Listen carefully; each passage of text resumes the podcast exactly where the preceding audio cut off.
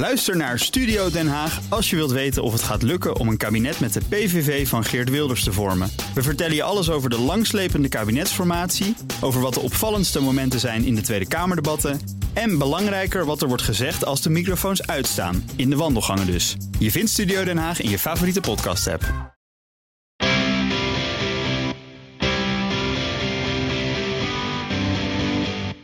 Een tonnetje voor Baudet's beveiliging is zo bij elkaar, maar Robert en Kees staan hier nog steeds voor helemaal niets in de studio. Abonneer je dus, helemaal gratis, en help ons de winter door.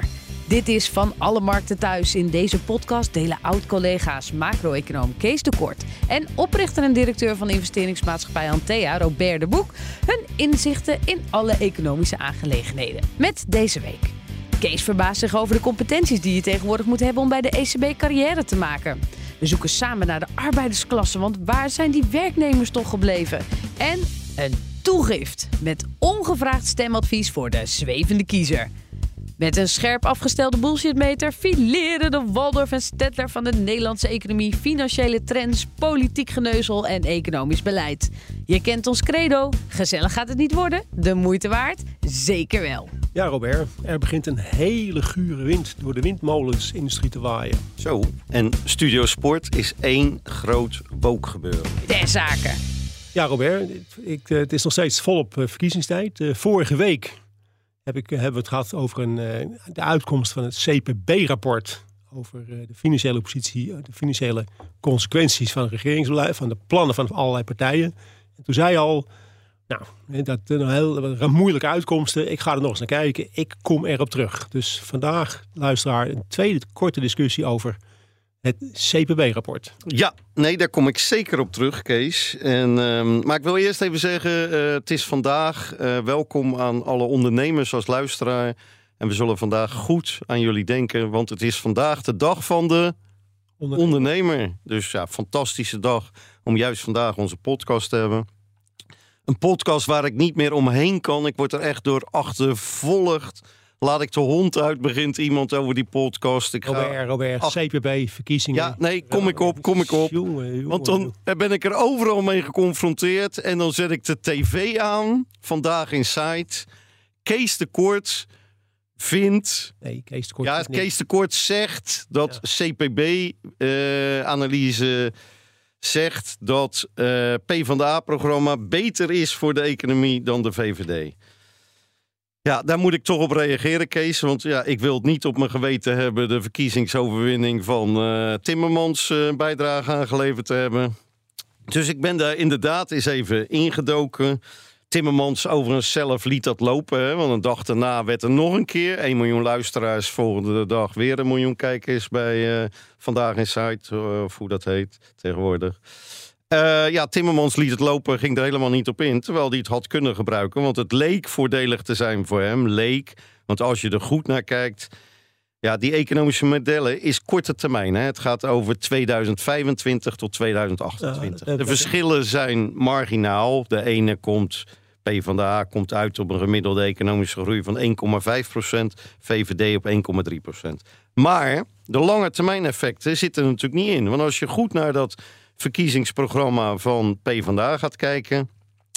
Nou, dan schrik je je kapot. Zes schijven in de inkomstenbelasting, oplopend tot 60 Vermogensbelast, vermogensrendementsheffing, tarief 49% Vermogensbelasting 5% Dus na 10 jaar ben je de helft van je vermogen kwijt.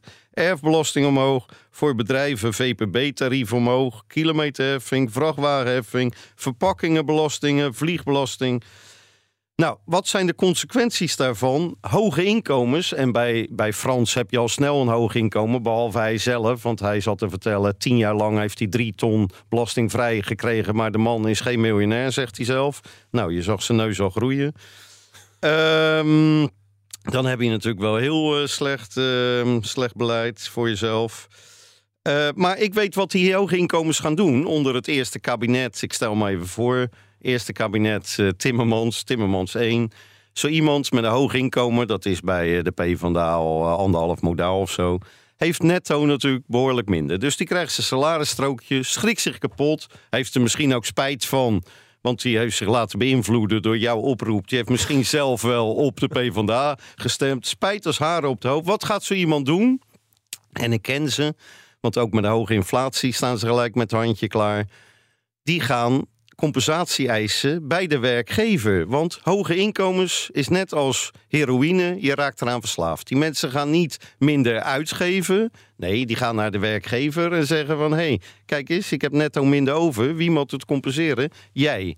Dus ja, bedrijven die krijgen het dan moeilijk onder Timmermans. Want 25 miljard lastenverhoging. En daar komt dan nog bij die salariseisen van die hogere inkomens. Dus de winsten van bedrijven zullen nog verder onder druk komen. En dat zit niet in die modellen. Want op lange termijn gaan bedrijven failliet. Ondernemers gaan stoppen. Dat merk ik ook al in dit klimaat omheen. Heel veel ondernemers die zijn het helemaal zat en willen gaan stoppen. Er gaat niet geïnvesteerd worden en de werkgelegenheid gaat omlaag. Dus op lange termijn.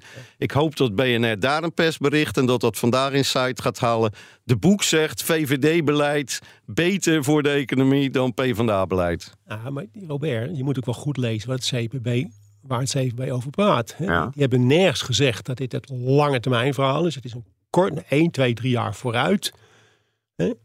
En het is puur financieel-economisch. Je moet er niet meer in lezen dan er ingezet wordt. Het is een puur indicatie van als we het geld zo uitgeven, dan zijn dit op, zo ongeveer de consequenties. En dat is mijn grote punt met de Nederlandse politiek. Al veel langer, hebben we al eerder over gehad in, in deze podcast. We beloven van alles, maar wat zijn de consequenties? Nou, dat zijn de consequenties op korte termijn, middellange termijn en lange termijn. En het CPB geeft alleen maar aan, op korte termijn zijn dit de financiële consequenties. Politieke consequenties moet je allemaal zelf weten. Lange termijn is wat anders. En je staat niet alleen, want ik kwam toevallig een artikel tegen van Bas Jacob, hoogleraar overheidsfinanciën, die ook bij BNR een podcast heeft. En die, die had hetzelfde argument. Dit is weliswaar een korte termijn de uitkomst, maar het CPB had strenger mogen zijn over de inhoud van het, van het, uh, van het PvdA-partijprogramma. Maar daar zijn ze niet voor. Dit is wat er uitkomt. En het, ja, je moet, wat ik al zei, je moet er niet te, te veel waarde hechten. het punt is, je moet proberen te begrijpen wat er gebeurt. En niet helemaal feitenvrije beloftes gaan doen. Dus in die zin ben ik het, blijf ik er nog steeds achter staan dat het een soort idee is. Van deze kant gaat het op. En het is beter dat we gewoon maar dingen beloven zonder enig idee van wat de consequenties zijn. Maar, en dan neem maar van mij aan, dit model, model van CPB, is in modelland er zijn, wordt, want het probleem met de Nederlandse politiek is, we geloven heel vaak in de uitkomst van modellen. Neem alleen maar in het klimaatland. Hè, er wordt een model gebouwd en op basis daarvan gaan wij dingen doen.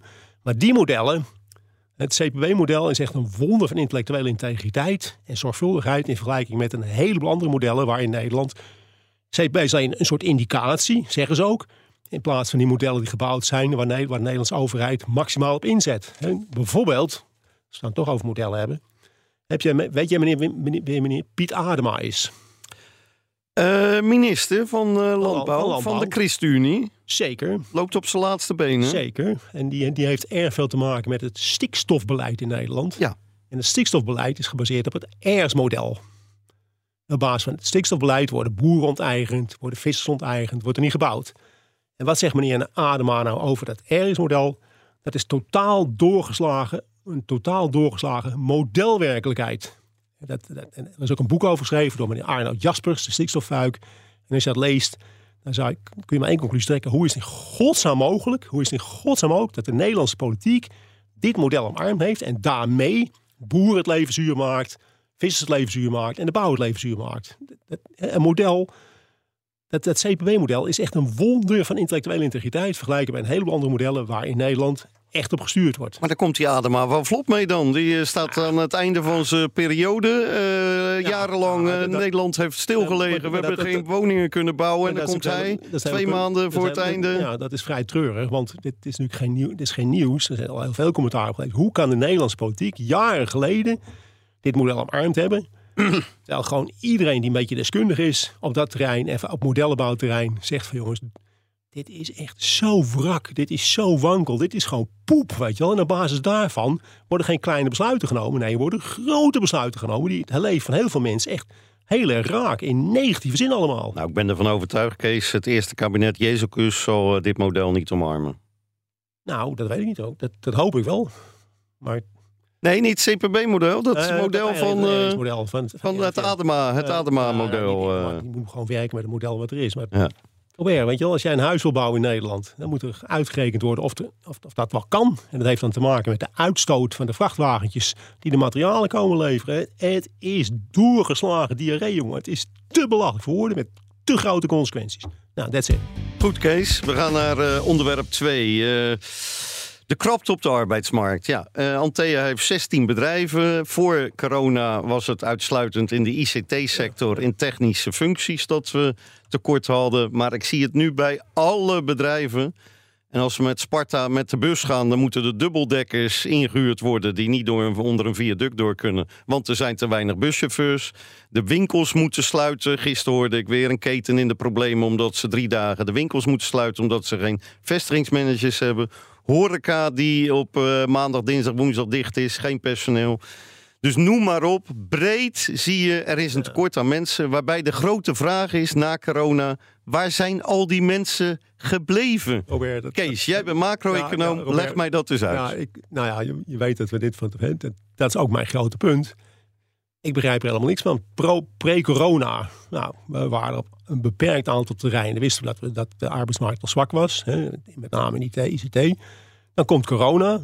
En na corona, precies wat jij zegt, alleen maar tekort. Ja, ik, ik, bra- ik breek me daar al eh, anderhalf jaar het hoofd over. Want iedereen klaagt. Maar waarom? Nou, ik kan wel een paar dingen bedenken. Ik denk dat er veel meer parttime gewerkt wordt. En als je natuurlijk, eh, steeds meer mensen parttime gewerkt, heb je echt serieus veel meer mensen nodig. McKinsey heeft wel eens uitgerekend, als je in de zorg, eh, geloof ik, eh 20% van de parttimers er eh, 10% bij gaat werken, ben je de tekorten kwijt. Ja, maar als je gewoon uitgaat, laten we zo zeggen, lang geleden ging iedereen die ging werken, ging, ging, begon met vijf, met dagen in de week. Dat, dat was gewoon de norm. En tegenwoordig, nou, ik hoor steeds meer mensen, vijf dagen in de week, dat wil ik niet meer. Ik werk drie, vier dagen. Nou ja, Gewoon- dat- dan heb je gewoon echt serieus veel mensen nodig. Dat, dat zal denk ik door dat lummelen van thuiswerken in coronatijd, dat vinden mensen toch redelijk comfortabel. Dat ze daarna gedacht hebben van, oh ja, dat is wel lekker dan- eigenlijk, goed, we gaan kom- dan- part-time Dan heb werken. je echt veel meer mensen nodig. Nou, ik denk dat het ziekteverzuim hoger is dan een paar jaar Ja, geleden. ja, ja, zeker. Burn-outs eh, komt heel veel Ja. voor. Wij zien dat ook in de hele portefeuille. Ziekteverzuim is enorm toegenomen. En met name na corona. Ja. Ja, en, en dan heb je als bedrijf een dubbel probleem. Hè? A, je hebt die mensen niet die je, die je nodig hebt. Dus die betaal je. En vervolgens moet je dure intrimmers gaan inhuren. Want het werk moet Nou toch gedaan worden. Misschien dat mensen langer blijven studeren. Dat, dat, dat zijn allemaal kleine effecten. Ik, ik ken een aantal mensen die het zich kunnen permitteren. Die zijn iets eerder met pensioen gegaan. Ook een klein effect. Tussenjaren. En ik heb, ja, wat mij, wat voor corona ook al hadden heel veel mensen uit Oost-Europa die werkten in, in, in Nederland op tijdelijke basis. Die zijn met corona allemaal naar huis gegaan. Nou, zijn die misschien niet teruggekomen? Kortom, ik kan wel een paar dingen bedenken. En met name dat dat part-time denk ik dat een belangrijke bijdrage heeft. Maar echt om nou te zeggen dat dat, dat, dat voor mij gedaan, gedaan is. Dat dat Nee. door zou. Wat- wat- vergrijzing, misschien is- vergrijzing zou misschien ook nog wel een. eh, ik sprak eh, laatst een ja, Japan-deskundige. Ja, die zegt: joh, over twintig jaar hebben, is maar- Nederland het probleem van Japan. We, leven, leven anno 2023. Ja, ik heb misschien, hè, wat ik ook nog als een vriend van mij, die heeft heel lang in, de, in HR gezeten. Die wil nou technisch tekenaar gaan worden, dus die moet ook leren. Die, die solliciteert dus. En, en, en die zegt, ja, die werkgevers zijn ook wel heel erg veel eisend. Hè. Als, je heel, als je heel goed bent, mag je beginnen. Maar weet je, we, hebben, we hebben geen zin om echt veel tijd te steken in begeleiding en ondersteuning. Misschien dat dat ook een factor is, hè, dat het probleem over schaarste, dat het ook een kwestie is van we stellen te hoge eisen aan mensen die beginnen. Hè, Mm-hmm. Heb je, heb, je, heb je diploma's, ben je voldoende toegerust. Dus je kunt ze wel krijgen, maar weet je, dan zeg je, nou deze willen we, deze willen we toch even liever niet. Maar het, het is een heel raar verhaal. Nou ja, wat, wat wij zien over die, Ja. die, die me- mensen aannemen en te weinig begeleiden. Je ziet dat bedrijven die heel sterk willen groeien. Eh, in een tijd van krappe arbeidsmarkt gaat die kwaliteit van mensen die je aanneemt, gaat natuurlijk afnemen. Dus je ziet heel veel. Er worden tien mensen aangenomen. Ja, er blijken er acht eh, kneuzen te zijn. Ja, dat is dus heel duur, want die heb je moeten begeleiden en die heb je Ja. moeten. En na een jaar moet je er weer afscheid van nemen. Dus ja, ik, ik zie nu bij een aantal van onze bedrijven dat men selectiever wordt. Ja. En de kwaliteitseisen toch hoog gaan houden. Want het kost heel veel geld om, om verkeerde mensen aan te nemen. Ja, maar, maar, maar dan, maar dan is het probleem niet zozeer dat het tekort op de arbeidsmarkt zijn, maar dat het tekort aan goede, goede mensen op de arbeidsmarkt zijn. Dat is echt een heel ander verhaal natuurlijk. Hè? Niet mensen, maar goede mensen. Nou, je kan beter die twee goede, kan je beter meer betalen dan, dan nee, acht kneuzen aannemen, want dat kost per saldo duurder. Ja, dus, maar het gaat een beetje om het maatschappelijke verhaal. Weet je wel. Is er nou een tekort aan mensen of is het tekort aan goede mensen? Weet je wel, wat, wat is hier aan de hand? ja. nou, die vergrijzing zal denk ik toch ook wel een rol spelen. Als ik zie bij, mijn- bij Mijn verhaal natuurlijk. Dat is, Ja. dat is niet nu. Nee, maar goed, de, de laatste jaren zie je dat al toenemen. Het verbaast mij nog steeds bij advocatenkantoren en accountskantoren... dat mensen van 60, nou ja, ik weet vanuit mezelf... 60 kan je ook een hele nieuwe carrière... je kan ineens een podcastcarrière kan je gaan maken. Dus met 60 ja, begint het leven pas. Maar bij die grote kantoren, tot mijn verbazing... ja, dat is een regel van, eh, van 40 jaar geleden... moet je afscheid nemen als je 60 bent. Ja, aan de- de andere, andere kant is het wel zo, gegeven de pensioenproblematiek. Is de, pensioen, de, pensioenleeftijd is wel de afgelopen zes, zeven jaar echt serieus verhoogd. En dat, dat betekent dat mensen gewoon, als je niet, als je niet kunt stoppen met werken, dat je een aantal jaar langer moet werken. Nou, wij weten, wij komen er niet helemaal uit, Kees. Misschien leuk voor de luisteraars. Het is een interactief programma. Mocht de luisteraar een verklaring hebben, dan kan er gemaild worden naar het volgende mailadres: redactie.bnr.nl. Alleen voor suggesties en vragen en oplossingen voor die krapte op de arbeidsmarkt. Dus geen bagger, bedreigingen, dat hoeft allemaal niet. compliment. Complimenten ook niet. Dan gaan we, ga jij helemaal zo naast je schoenen lopen, Kees. Dus eh, alleen voor, eh, voor relevante opmerkingen Die over dit die worden onderwerp. op prijs gesteld en als het echt relevant is, dan gaan we erop terugkomen. Zeker. Redactie.bnr.nl Eh, we gaan naar eh, ja, onze vaste rubriek. Eh Woldorf en Stettler hebben natuurlijk heel veel ergernissen, Kees. De ergernis van de week. Wat was jouw ergernis? En was het weer moeilijk een keuze te maken uit de vele ergernissen? Nee, nee, dat is nooit zo moeilijk. Het is meer een kwestie van wel, welke past het beste in mijn, in mijn, in mijn grote verhalen. En zoals je weet, zal misschien een aantal luisteren, ben ik een grote, word ik een steeds grotere vijand van de ECB. Ja, de ECB stelde me deze week weer niet teleur. Weet jij wat biodiversiteit is? Ja, dat is dat we verschillende soorten plantjes en bijtjes en eh, vliegjes Burgers, eh, en zo hebben. visjes, de, de plant- en de dierenwereld. Ja, Nou, dat groot, in, in klimaatland, in milieugekjesland, ja, is het een beetje het idee dat het met de biodiversiteit in Nederland en de wereld niet zo goed gaat. Maar ik weet misschien dat je het verhaal wel kent. Ik ken ook wel mensen die zeggen, ja Kees, als je een paar jaar geleden met de auto in de zomer een, stu- een stukje ging rijden, was de hele voorraad bezaaid met muggen en insecten. Dat is niet meer zo. Hè, dus nou ja, misschien de biodiversiteit. Maar wat heeft nou de- in ieder geval een aantal mensen bij de ECB, die hebben al bedacht dat eh, de biodiversiteit, de, het, de pro- mogelijke problemen in de biodiversiteit, het verdwijnen van soorten, dat dat wel eens een risico kan zijn voor de financiële sector, voor de stabiliteit van de financiële sector. zo. Oeh, schrikken. Ja, Robert, ja, ja, ja, ik begrijp het ook niet, maar in ieder geval waar het op neerkomt is, hè, dus echt, echt kunnen bedrijven, en hè, de, financiële sector geeft lening aan bedrijven, steunbedrijven. Die, het zou kunnen zijn dat er ergens in de verre toekomst een bedrijf in de problemen komt door het verminderen van de biodiversiteit. Diversiteit. Dus om, dat, om te voorkomen dat de banken geld steken in bedrijven die in problemen gaan komen, moeten die banken gaan, hun, gaan rapporteren over wat zij met dat biodiversiteitsverhaal doen in hun leningenportefeuille. Zo. Dus je moet eh, tegenwoordig biologie hebben gestudeerd om bij de ECB te kunnen werken. Nou, dat is één ding. Maar als je gewoon, als je gewoon kijkt, Robert, wat er. Als je gewoon kijkt, dit is ook weer zo'n verhaal van waarom. En al die controle in toestelde banken. Wie wil er nog bankier worden? Zou je, kan je één iemand voorstellen die in deze wereld, die in deze wereld van totale controle, totale zocht, toezicht, overal verantwoording afleggen, niks mag meer, je mag geen eigen verantwoordelijkheid nemen. Wie wil er nog bankier worden? Nou, ik denk, Robert, dat dat niet meer het gedroomde, perspectief van een heleboel jongeren is. Dat bestaat gewoon niet meer. Maar die ECB en biodiversiteit en je zou kunnen zeggen, de ECB zou eens kunnen druk maken over de inflatie. Bijvoorbeeld. Hè? Of over de schuldenposities in een aantal landen. Of over eh, bubbels op de financiële markten. Shadowbanking, gratis geld, liquiditeit. Allemaal dingen waarvan je zegt, nou, misschien kun je er als ECB daar wat aan doen. Want dat zijn op korte en lange termijn extreem veel grotere bedreigingen dan missen we twee zilvervis of de langpootmug ergens in Afrika. Te belachelijk voor woorden. Gek word ik ervan. Echt. En jij? Eh, heb, jij ja. heb jij ook zoiets belangrijks? Ja, Zo'n ja, maatschappelijke relevantie. Ja, zeker maatschappelijke relevantie. Klopt, het topprogramma op eh, de publieke omroep. 2 miljoen kijkers per week. Studio Sport. Ehm, kijk jij wel eens, Kees, naar Match of the Day? In Engeland, met Engeland. BBC. Match of the Day. Nou, moet je een keer ik- doen. Ik zap er wel eens in. Zaterdagavond, half twaalf. Fantastisch voetbal. Fantastische presentator. Gary Lin- Lineker, oud-international. En daar worden analyses gemaakt door ex-topvoetballers. Over, noem wat over, namen. over de wedstrijd. Over de wedstrijd. Nou, Belangrijk. je Belangrijk, hangt, maatschappelijk relevant je natuurlijk. hangt Ja, aan de lippen van die mensen. Alan Shearer, meest aantal doelpunten ooit in Engeland. Ian kan- Wright, kan Danny goed. Murphy. Kan niet goed, kan goed Je voetballen. hangt aan de lippen van die mensen. Die kunnen dus voetballen. Ja, die kunnen voetballen. Staat een Nou, de, de, de regisseur of de programmamaker van Studio Sport heeft bedacht. Die heeft daar natuurlijk naar gekeken. En die denkt, nou, dat werkt goed in Engeland. Gaan wij ook doen. Oké. Dus afgelopen zondag te première. Wij hebben ook zo iemand gevonden. Mag jij raden wie?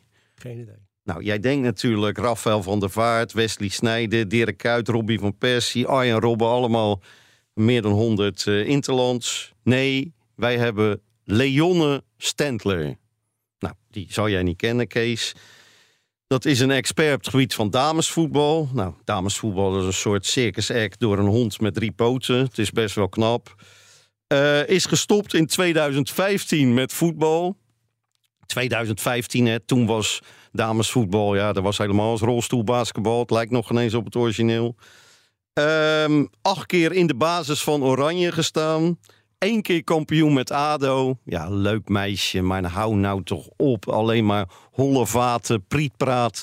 Hebben we helemaal niks aan. Maar, hoe komt dat? We hebben de wookcultuur bij eh, de publieke omroep. Het programma wordt gepresenteerd door een man. Dus, de analist wordt niet de beste die we hebben. Dus niet die categorie oud-internationals die ik net had. Nee, dat moet een vrouw zijn. Joh, laten we dat dan omkeren. Laat Leonne Stentler presenteren en huur een fantastische analist in om dat te duiden. Want dit gaat echt eh kijkers kosten Robert, Robert, om je jij- kapot te ergeren. Robert, jij moet wel een heel gelukkig mens zijn. Hè? Want, Bij jou gaat alles goed.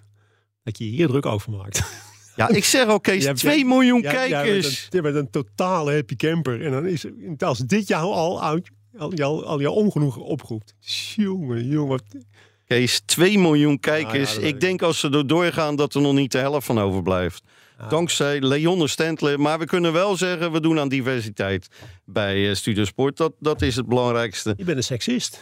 Nee, nee, nee, nee, nee. Ik ga voor kwaliteit. Eh, Voor mij mag, eh, mag er prima een, eh, een vrouw, maar ja, niet, niet in deze categorie. Dus Kees, dit was mijn ergernis van de week. Nou, luister. We gaan naar Luister, ons, ons derde onderwerp, Kees. Ja, nou, daar. Daar, er, is, er is extreem goed nieuws. Ja, dat is, ja, ik ben echt blij. Want zoals je weet ben ik een eh, verklaard tegenstander van de verduurzaming van de energievoorziening. En Ik denk dat eh, de introductie van wind- en zonne-energie als basis voor de welvaart een heel, heel, heel slecht idee. Dus alles, als, hoe slechter het met de windenergie gaat, hoe beter ik het vind. Want des te eerder zijn we die flauwekul af en kunnen we gewoon deze aanslag op de, Nederland, op de wereldwijde welvaart kunnen we gedacht zeggen, nou, het nieuws uit de windmolenindustrie. Er zijn natuurlijk een paar eh, grote bouwers van windmolens. Hè, bijvoorbeeld Siemens en Eurostat. Nou, die komen echt, die zijn met resultaten gekomen. En dat zijn commerciële bedrijven die de beurs genoteerd staan.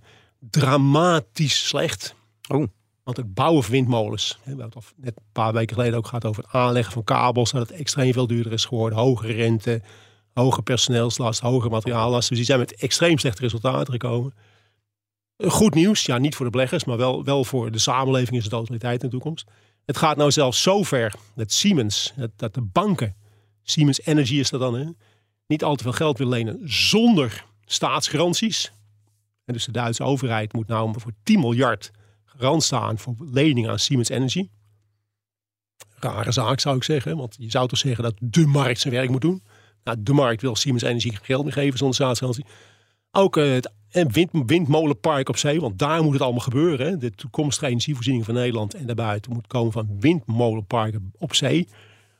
Nou, daar eh, worden ook enorme verliezen geleden. Die, er worden zijn geplande wind, windmolenparken zijn gepland. Daar zijn geen eh, bedrijven voor te vinden die ze willen bouwen. Er zijn bedrijven die zich proberen terug te trekken uit contracten van windmolenparken. Kortom, de wind, de windmolenenergie en dus de toekomstige levering van windenergie uit Nederland staat gelukkig onder druk. En ik hoop dat het nog veel harder en veel slechter gaat gaan. Want windenergie is gewoon een extreem slecht idee. Nou, D66 uh, raakt ook uh, de laatste kiezers uh, kwijt op deze manier, Kees. dit was nou ja, het ik, laatste duwtje wat Jet nog hoop, nodig had. Ik hoop dat mensen gaan luisteren en dat je erover gaat nadenken, gaat kijken. Want het idee dat, dat een, wat consequentie van die, van die windmolens en zo, et cetera, wat nu aan het gebeuren is, is dat energie gewoon echt veel duurder gaat worden. En, zonder, en in alles wat wij doen in onze samenleving is energie de basis. Dus als dit doorgaat, als de, iedereen blijft, eh, de overheid blijft garanderen en de hogere energieprijzen worden geaccepteerd, dan is dat gewoon een hele, hele dikke min voor iedere, voor iedere economie die daarop gaat vertrouwen. Ermee stoppen as soon as possible, please. En ook hiervoor geldt, eh, om terug te komen op modellen. De modellen op basis waarvan deze plannen allemaal gemaakt zijn, Robert, als je dat vergelijkt met, het, met de CPB-modellen over de Nederlandse economie, nou, dan geeft mij maar duizend, duizend keer beter die CPB-modellen. Want die hebben nog een, enige, die hebben een behoorlijke band met de realiteit. En die windmolenmodellen totaal niet. De tijd zit erop. Nou, ik eh, wens eh, alle luisteraars uh, een, een mooie dag van de ondernemer. Ja. Alle ondernemers die luisteren. Ik hoop dat we volgende week nog vrouwelijke luisteraars hebben na vandaag. En uh, tot volgende week. Je moet wel even opletten wat je zegt natuurlijk. Je bent, uh, jij wil succesvol worden, maar als je de helft van de wereld uh, uitsluit, dan gaat het wel moeilijk. Nee, ik denk dat de meeste dames die verstand hebben van voetbal het met me eens zijn wat betreft Leon Stentler. Goeie afsluiting alweer de helft van de wereld en misschien je voice-over. Dit was Van Alle Markten Thuis, de gezelligste economie-podcast van Nederland. Mail je verklaring of suggestie voor de problemen op de arbeidsmarkt naar redactie.bnr.nl of kijk even in Spotify, daar kun je reageren op onze Q&A. We zijn er volgende week weer. Veel plezier met stemmen. Hebben jullie nog stemadvies eigenlijk, jongens? Nee. Stemadvies, ja. Ik heb, wel, ja, ja, ik heb nog wel een stemadvies. Nee, ik heb een stemadvies. Stem strategisch. Ben je links? Het, het verschil gaat klein worden. Ben je links? Stem niet op splinterpartijtjes als D66, Volt, Denk. Kies voor Frans Timmermans. Dan heb je de grootste kans op een linkskabinet. Ben je rechts? Kies niet voor splinterpartijen die het verschil waarschijnlijk niet gaan maken. Uh, noem ze maar BBB, uh, Ja 21, uh, BVNL, eh, zelfs de PVV niet. Kies voor de grootste, de meeste kans als je stemt op Jezus op een rechtskabinet. Dus dat is mijn advies. En ga in ieder geval stemmen, want ja, in deze democratie, dit is een land van klagers. Nou ja, daarom hebben wij deze podcast ook, Kees. Wij zijn daar natuurlijk de exponent van. Maar als je niet gaat stemmen, dan verlies je ieder recht op klagen in dit land. Dan moet je voor eeuwig moet je, je mond houden. Ik dacht even dat hij ging zeggen stem op Jezus, maar er kwam nog meer achteraan. Uh, Kees, jij, uh, je nou waag je niet aan een... Jawel, uh... jawel, jawel. Ga, ga, sowieso stemmen. En zoek de partij uit die het beste bij jou past. En denk niet te veel na over strategisch stemmen. Je, je staat, nee, Robert, je staat voor dingen. En daar moet je, dat, dat moet je gewoon volhouden. Kijk, het hele het, het, politiek, het is helemaal niet erg als het, waar ik helemaal ziek van word en echt helemaal van over moet geven, is het verhaal over verbinden. Nee, we moeten niet verbinden. Je moet ergens voor staan. Je zoekt iemand die jou die jouw stem vertegenwoordigt. En dat de vertegenwoordigers van onze stemmen, die moeten met elkaar uitmaken hoe het verder gaat. Niet verbinden. Het ons parlement moet dealen met de tegenstellingen die er zijn in het land. Dat zijn veel tegenstellingen, dat zijn grote. Is helemaal niet erg. Zoek die 150 mensen, moeten daarvoor een oplossing zoeken. Dat is hun taak. Volgende week vrijdag hebben we de uitslag, Kees. Dan komen we erop terug. Tot dan. Ook Harm Edens vind je in de BNR-app. Je kunt BNR Duurzaam niet alleen live luisteren in de app, maar ook terugluisteren als podcast, zoals al onze podcasts. En naast dat de BNR-app Breaking News meldt, houden we je ook op de hoogte van het laatste zakelijke nieuws. Download nu de gratis BNR-app en blijf scherp.